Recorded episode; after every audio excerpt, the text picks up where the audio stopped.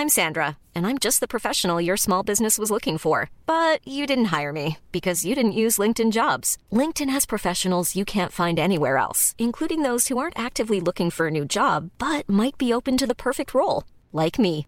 In a given month, over 70% of LinkedIn users don't visit other leading job sites. So if you're not looking on LinkedIn, you'll miss out on great candidates like Sandra. Start hiring professionals like a professional. Post your free job on linkedin.com/people today.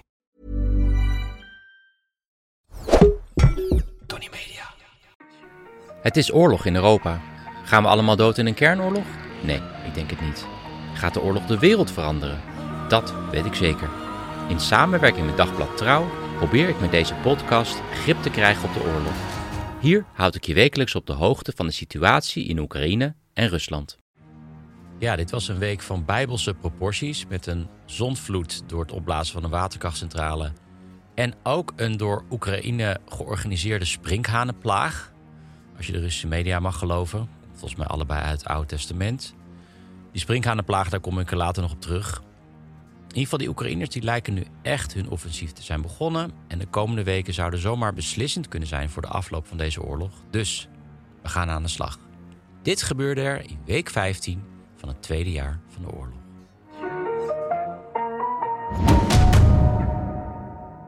Ja, wanneer spreek je nou eigenlijk van een offensief? Sinds zondag is het Oekraïense leger in ieder geval in beweging. Dat begon met de inname van het dorp Niskushne. Letterlijk heet dat dorp niet saai. Nou, het was zondag zeker niet saai in niet saai. En op meerdere plekken langs het front doen de Oekraïners wat in het Engels dan heet probing attacks. Een soort van ja, probeeraanvallen. Ze kijken dan waar de zwakke plekken zitten voor de Russen. Bijvoorbeeld plekken waar het Russische leger afgelopen dagen was vertrokken om te zorgen voor versterking in Bakhmut. Waar ze soldaten van de Wagnergroep af gingen lossen. Ik had er eerder al over. Maar die aanvallen die kunnen ook zijn om het Russische leger in verwarring te brengen en ergens anders juist toe te slaan. Er waren in ieder geval aanvallen bij Bakhmut. Een deel van die stad is weer ingenomen, of eigenlijk een dorp daar vlakbij. En meer zuidelijk bij Vugledar is ook gevochten. En het is te vroeg om te zeggen of dit ook daadwerkelijk de plek wordt van de aanval. Maar die aanval die gaat er zeker komen. Wat opvalt ook is dat nog geen enkele van de negen nieuwe brigades is ingezet. Van soldaten die zijn getraind in het westen en ook voorzien zijn van westerse tanks. Dat hebben de Oekraïners allemaal nog achter de hand. En ja, als eenmaal die worden ingezet, dan krijgen we een beter idee waar deze zomer die strijd zal worden gevoerd. Intussen is vannacht de Nova Kachovka-dam opgeblazen. Vermoedelijk, ik zeg hier vermoedelijk, zitten de Russen erachter om de Oekraïnse opmars te stoppen, al staat dat nog niet 100% vast. Daar ga ik zo over verder praten met mijn gast Hidde Bouwmeester. Hoe dan ook, die enorme stuwdam die is doorgebroken en die dam die ligt in de rivier de Dnieper. Rivier die van noord naar zuid door Oekraïne loopt. En het breken van die dam heeft enorme gevolgen. Ten eerste acute gevolgen, natuurlijk een overstroming van een groot gebied, stroomafwaarts. Vooral overigens aan de oostoever, die is in handen van de Russen. Maar ook het gebied rond Gerson, de stad die in Oekraïnse handen is. En wat vaststaat is dat er vele doden zullen vallen. Alleen al door de honderdduizenden landmijnen die zijn geplaatst aan beide kanten. Want ja, dat front liep eigenlijk uh, langs die rivier. En die mijnen die dobberen nu gewoon rond. Er waren ook nog beelden van een verwarde bever die ineens belandde in de straten van Gerson. Ja, ook voor de natuur is dit een uh, enorme ramp. En ook op langere termijn heeft het gevolgen. Ja, die overstroming dat beslaat waarschijnlijk straks een gebied ter grootte van België. En dat zal veranderen in een moeras. En dat heeft weer gevolgen voor Oekraïnse aanvallen in de komende maanden. En ook voor de watervoorziening voor de Krim. Die komt dan in grote problemen. Dus dat speelt ook nog mee. Dat stuwmeer aan de, ja, aan de andere kant van de dam, dat loopt natuurlijk nu leeg. En dat water van het stuwmeer wordt normaal gebruikt voor het koelen van de Zaporizhia kerncentrale, de grootste kerncentrale van Europa. Maar het lijkt erop dat die kerncentrale is uitgeschakeld. Dus goddank daar waarschijnlijk geen problemen. En intussen gaat de oorlog op Russische bodem ook gewoon door met droneaanvallen. Er viel gisteren eentje neer op de stad Kaluga, niet zo ver van Moskou. En natuurlijk die Russische vrijheidsstrijders die vanuit Oekraïne Rusland binnenvallen. besteden er vorige week al aandacht aan, die bezetten dus nog steeds een flink deel van Rusland. Ongeveer 200 vierkante kilometer. Wat ja, ongelooflijk is als je erover nadenkt. Dat het Russische leger dus niet in staat is, nota bene Rusland zelf op orde te houden. Gaan we door naar de Russische media.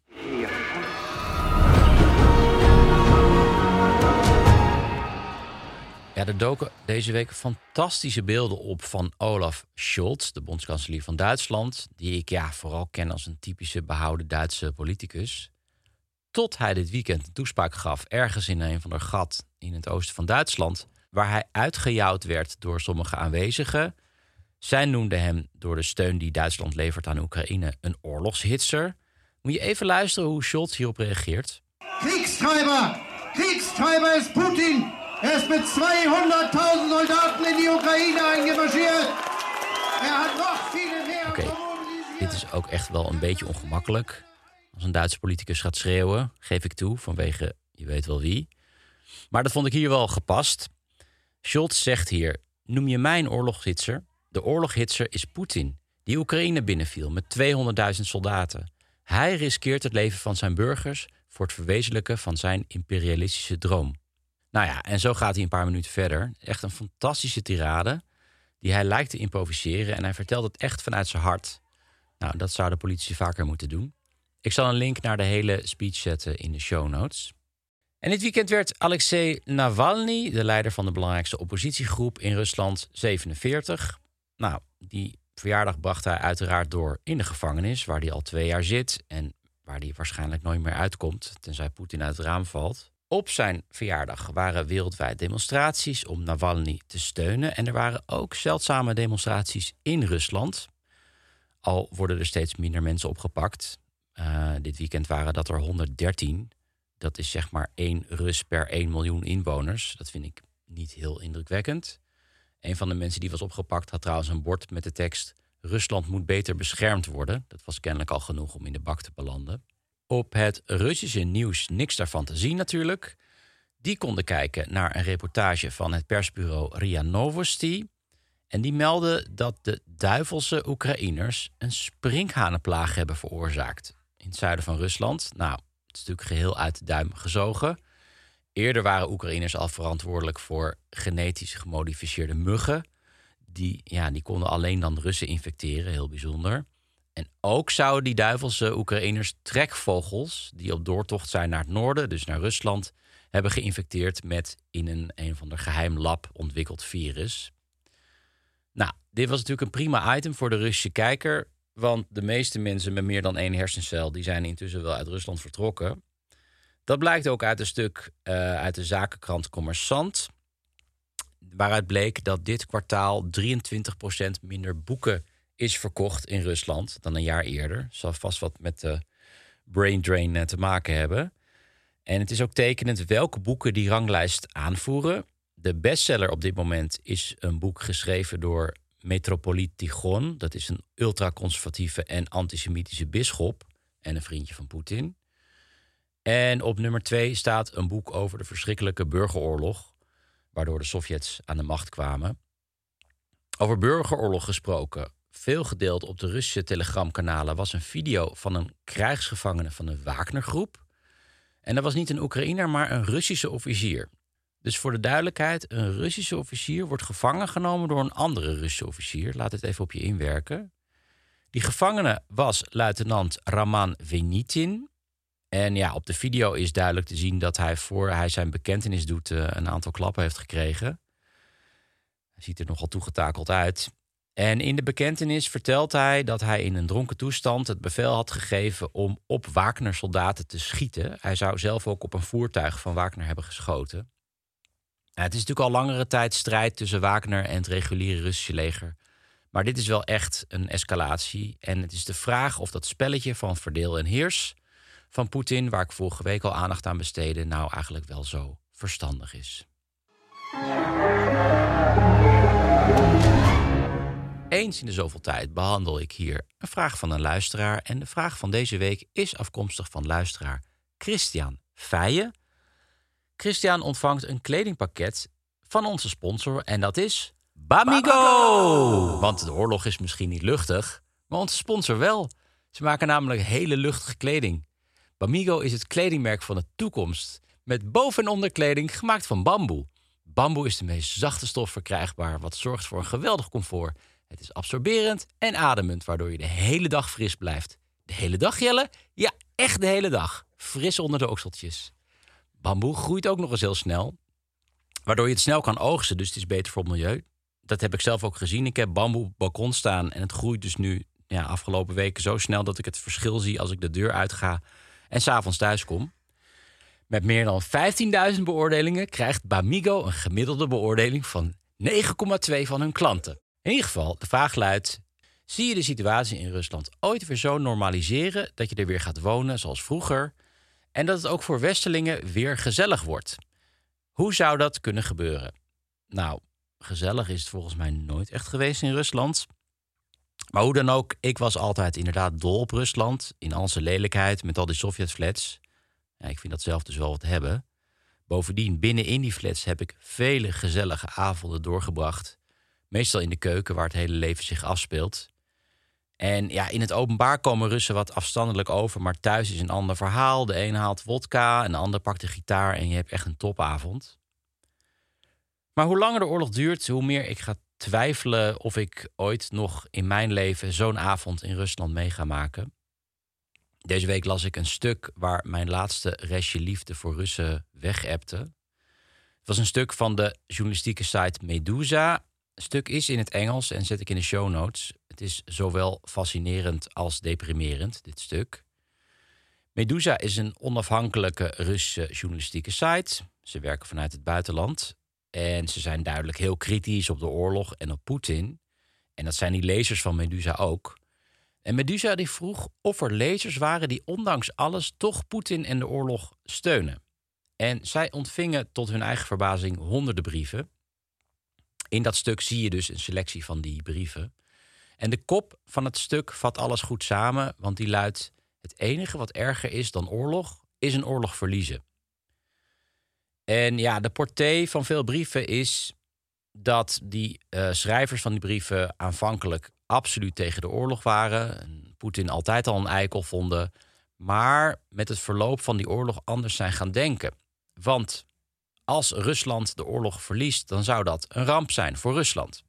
En daarom steunen ze dan die oorlog.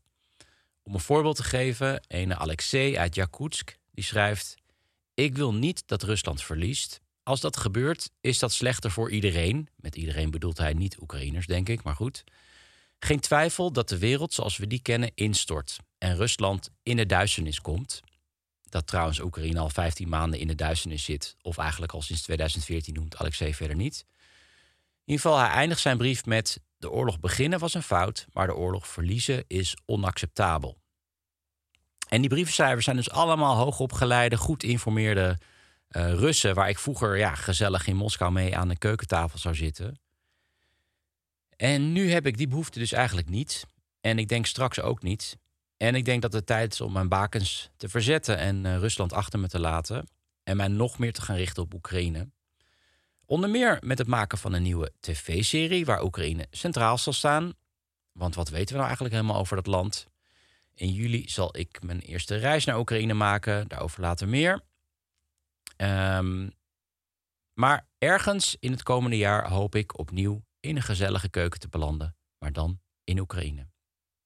Hoe dan ook, Christian, bedankt voor de goede vraag. Wil je nou ook een kledingpakket van Bamigo winnen? Stuur dan ook je vraag. Er staat een e-mail in de show notes. Maar je kan natuurlijk ook zelf je kleding bestellen. Begin eens met een van de essentials, zoals een boxershort, een paar sokken, truien of loungewear. Luisteraars van deze podcast krijgen korting op hun eerste bestelling met kortingscode Jelle20. Bij mij in de uitzending zit historicus en publicist Hidde Bouwmeester. Hidde, welkom. Welkom. Uh, Hidde schrijft onder meer stukken op zijn eigen site. Hele interessante stukken. Ik zal een link natuurlijk in de show notes zetten. We duiken zo de geschiedenis in, maar eerst zijn we even in het heden. Ehm, we hebben vanochtend allebei eh, vernomen dat de dam uh, bij Nova Kachovka is, ja, er niet meer is. Uh, dat leidt tot grote problemen. Er is heel veel onduidelijk. En we kunnen het hebben over uh, wie erachter zit. Maar in mijn ervaring is een interessantere vraag bij ja, problemen die met Russen relatie hebben. Wie heeft er eigenlijk belang bij de breuk van deze dam? Nou, laten we even daarop op richten. Want dat vind ik dus een beetje puzzeling. Dat had mhm. ik ook met het opblazen van die Nord Stream uh, pijpleiding. Van wat was nou eigenlijk het belang van de Russen daarbij om een gaspijpleiding op te blazen naar het westen? En dat heb ik nu, heb ik ook, ja, ontgaat me enigszins het idee van, ja, maar wat zou nou het belang daarvan zijn voor, voor die Russen om dat te doen? Ik zou het eigenlijk, eigenlijk niet weten. Ja. Ehm, ja, het enige wat je zou kunnen zeggen is dat misschien vanuit een, als je in defensief moet, dat je dan de snelheid van, uh, ge, uh, van bepaalde voertuigen vertraagt. Ja. Maar dat is wel, het is wel gissen. Een, soort van wanhoopsactie. actie. Maar aan de andere kant, hè, ze hebben dus een half jaar lang die uh, fortificaties aangebracht aan die linker oever. En mijnenvelden en alles. En, en, en, en uh, loopgraven en commandoposten. En dit is dus nu vandaag allemaal ondergelopen. Het is. Weet je, ik, ik wil niet zeggen dat de Oekraïners achter zitten, maar ik denk gewoon. Nou, als ik het gewoon van afstand bekijk, ik ben een alien of zo, weet je wel. En ik kijk van, hé, hey, er is hier op de aarde, is, een, uh, is dat deel ondergelopen. Zou ik denken, nou, daar hebben de Oekraïners eigenlijk best wel een voordeel mee, toch? En misschien ook weer een, een nadeel. Dus in, de ene, in geschiedenis heb je ook soms wat mensen niet precies uh, het liefst benadrukken, is toeval. Mm. Dat het gewoon ongeluk was en dat er te veel druk op is gekomen. En uh, dat het gewoon ja, van, is ingezakt. Ja, dat kan natuurlijk ook heel goed. Christian Triebert, die eerder hier in de uitzending zat, die kwam vanochtend met satellietbeelden aanzetten. Dat zijn nou net dingen waar je niet over kan twisten. En hij had gezien dat, wat was het, een paar dagen geleden, die dam al ernstig was aangetast. Dus, en Russen zijn ook niet bekend om hun management skills. dus het zou toch zomaar kunnen dat. Ik bedoel, ik weet het ook niet, maar ik zou, ik vind het dan ja, misschien toch echt voorbarig om gelijk dat narratief van de Oekraïners te volgen in deze. Misschien maakt mij heel erg impopulair op dit moment. Maar... Ja, en ik denk wel dat de Russen aan de ene kant wel een belang kunnen hebben bij het, uh, bij het uh, gebruik ervan, vooral om uh, misschien ook het Westen te testen. Van hoe doen ze, wat doen ze bij escalatie? Kunnen we ermee wegkomen? Om later misschien iets met de kerncentrale te doen. Mm. Als een soort van test. Mm. Uh, maar dat, dat is gewoon speculeren. Ja. En ik denk dat voor beide gevallen wel iets dat ze een belang kunnen hebben. Ja. Maar dat toeval ook gewoon, gewoon een ongeluk ook mogelijk is. Absoluut. Ik denk dat het vroeg is om uh, hier iets zinnigs over te zeggen. Verder, uh, over een week ga ik er zeker nog aandacht aan uh, besteden. Ik ben sowieso niet heel erg van het speculeren, maar ik vond het wel fijn om even bij stil te staan. We gaan nu de geschiedenis induiken. Um, een tijdje geleden schreef je op Twitter volgens mij over een ja, interessante geschiedenis van de Russische stad Belgorod. Het ligt al natuurlijk al uh, weken of maanden onder vuur. Mm -hmm. Ligt nu aan Russische zijde, maar is ooit Oekraïens geweest, als ik het goed begrijp. Ja, nou, het is uh, Oekraïens in die zin. Uh, ik moet eerst even terug naar een deel van de geschiedenis om het even uit te leggen. Want ik sure. kan dat.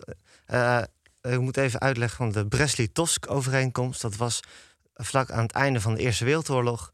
Uh, Keizerrijk Duitsland sluit een verdrag met het revolutionaire Bolshevik, Bolsje, de Bolsjewieken. En um, ja, die hebben een soort van een protectoraat in Oost-Europa, huidige Oekraïne. Uh, even simpel gezegd, waar Belgorod onderdeel van uitmaakte. Maar Lviv niet. Mm -hmm. En um, ja, uh, normaal gesproken was dat gewoon een protectoraat ge gebleven. Maar zoals iedereen weet, uh, aan de ene kant krijgt Duitsland verliest de Eerste Wereldoorlog. En kan eigenlijk aan het einde van 1918 al niet meer dat protectoraat beschermen. Mm -hmm. Dus dat is de voorgeschiedenis die hier van belang is. Ja, en op dat moment is er een hele kortlevende Oekraïense republiek. Ja, uh, ja, een republiek. Hoe lang, hoe lang heeft dat geduurd? Uh, nou, het is, hang, dus daar zijn, is er niet iets uh, duidelijkheid over te geven. Het is hoe je, hoe je het ziet. Mhm. Protectoraat heeft even bestaan. In, uh, dus vanaf maart 1918, de, uh, dat is de, de Brest-Litovsk-overeenkomst. En daarna, een paar maanden later, roepen ze de onafhankelijkheid uit. Mm -hmm. omdat Duitsland hen niet meer kan beschermen. En tegelijkertijd valt het Habsburgse Rijk, Oostenrijk-Hongarije uiteen. Die hebben Lviv nog soort van in handen. Dat voegt zich samen met, ehm, met die republiek. Mhm. En tegelijkertijd is ook Polen ontstaan. En Polen vindt dat ze te weinig gekregen hebben. En willen het historisch Polen terug, waar Lviv onderdeel van uitmaakt. En die vallen dus ehm, ja, Oekraïne binnen. Mhm. En de Bolsjewieken zijn aan de winnende hand. En die besluiten om vanuit het noordoosten, dus de Belgorod, terug te pakken. Ja, want op dat moment is Belgrad nog onderdeel van die hele jonge Oekraïnse republiek... die volgens Ja. mij maar nou, een half jaar heeft... ja, eh, eh, eh, januari 1918 hebben de Russen het al, of de Bolsjewieken op dat moment alweer in handen. Ja, dat heeft niet lang geduurd. In de Russische geschiedschrijving, of vooral in de Sovjet-geschiedschrijving... ehm, en dat is een patroon dat je herkent bij veel Sovjet-republieken... hebben, heeft Oekraïne zich vrijwillig aangesloten bij dat Sovjetrijk. Hoe zit dat nou eigenlijk? Eh, nou, zoals ik eigenlijk net al inleidde, hebben de Bolsjewieken Oekraïne zijn die binnengevallen. Dus eh, ja, van geheel vrijwillig is natuurlijk niet echt te spreken. Ook als je een, tien jaar later kijkt, hadden ze ook nog een hongersnood nodig om de Oekraïners volledig eh, in bedwang te krijgen. Eh, dus ja, ik zou niet vrijwilligheid. Ja, misschien bij een groep elite mensen die uiteindelijk eh, carrière wouden maken binnen de Sovjet-Unie. Zoals Khrushchev bijvoorbeeld, die later ook de leider van de Sovjet-Unie werd. Mhm. Dus vrij, geel vrijwillig zou ik het niet noemen. Misschien dat er een aantal Oekraïners was die de Sovjet-Unie een warm hart toedroeg. Ja, vanaf dat moment maakt Belgorod eh, onderdeel uit van, van Rusland. Nu ehm, is er ja, sinds ja, eh, steeds eh, meer ehm, Russen vanuit Oekraïne eh, delen van de, provincie Belgorod bezetten, gaan er nu stemmen op voor een Volksrepubliek Belgorod. Ehm, het is enigszins een grap, toch? Kan je daar iets over vertellen? ik vind het Ehm, wel fascinerend. Ja, nou, ik zou het meer niet als een grap doen. Ik zou het meer zeggen als het spiegelen van eigenlijk het Russische frame... dat de Russische separatisten in de Donbass waren. Zich wouden aansluiten bij eh, Rusland. Want wat even, vertel even, wat is het verhaal achter die Volksrepubliek Belgorod? Eh, dat, dat, daar, daar zijn gewoon zogenaamde Russische separatisten die eh, een onafhankelijk gebied willen opeisen. En dat is eigenlijk precies hetzelfde wat, ze, wat Rusland heel lang deed tussen 2014 en 2021. En omdat de Russische propaganda misschien zo goed, goed is voor Rusland, eh, kunnen ze op deze manier heel duidelijk aangeven: ja, wat jullie gehoord hebben is gewoon ja, een broodje aap. Ja, Dat is, ik vind het echt een van de beste, misschien een van de beste propagandastunts in de moderne geschiedenis. want volgens mij is er ook een demonstratie laatst georganiseerd bij de Russische ambassade voor een, Ja. voor een onafhankelijke Volksrepubliek Belgorod. Was jij daarbij trouwens? Nee, ik eh, werd wel gevraagd, Ja? maar ik, eh, eh, ja, ik, eh, ik kon niet. Je kon niet, anders had je er gestaan. Eh, dat, dat weet ik ook niet. Om Of te ik, ik strijden ben- voor de- Ik ben niet zo protesteren. En, ja, maar ik ondersteun het initiatief natuurlijk Ja, wel. zo- Want, want als er voldoende steun voor is, dan moeten we dat natuurlijk met beide handen aanpakken. Moet je die bevolking daar beschermen. Het is Ja. een prachtige spiegeling met wat de Russen al sinds 2014 uitspoken. hey, ehm, laten we even een klein beetje uitzoomen. Ehm, en het is ook iets wat ik mezelf al vaker afvraag... of ik eigenlijk wel genoeg oog heb gehad voor wat ik zie als Russisch imperialisme. Denk je dat dat nu pas eigenlijk op de, op de agenda komt? Ehm, voor West-Europeanen wel. Ja. Voor Oost-Europeanen Nee, niet. ik, ik heb het even, ja, ik heb het over, over West-Europeanen. Ja, ik, ik denk het wel. Ik denk dat we heel lang hebben gedacht dat door middel van het eh, idee van als we maar voldoende samenwerken, economische betrekkingen hebben, ehm, dan kunnen we voldoende samenwerken. En dan, dan, dan zal Rusland niet snel een, een land van ons aanvallen of ons bedreigen. Ja. Eh, maar dat blijkt dus gewoon niet, te- niet te kloppen. De Russen hebben gewoon. Maar die hebben daarvoor ook in Tsjetsjenië, die hebben daarvoor ook andere landen intern en extern binnengevallen of geweld gebruikt om hun imperiale belangen te verdedigen. Ja, ik hoop dat eh, dat verhaal steeds vaker verteld gaat worden. Ik denk dat we daar ook heel veel van kunnen leren. En ik denk dat jij daar ook een eh, belangrijke aan bijdrage gaat leveren en hebt geleverd. Heer de bouwmeester, dank je wel voor het mooie gesprek. Ja, graag gedaan. Dat was het voor deze week. Ik ben heel benieuwd hoe de situatie zich in Oekraïne gaat ontwikkelen de komende week. We gaan het allemaal zien. En ik ben er weer volgende week. Tot dan.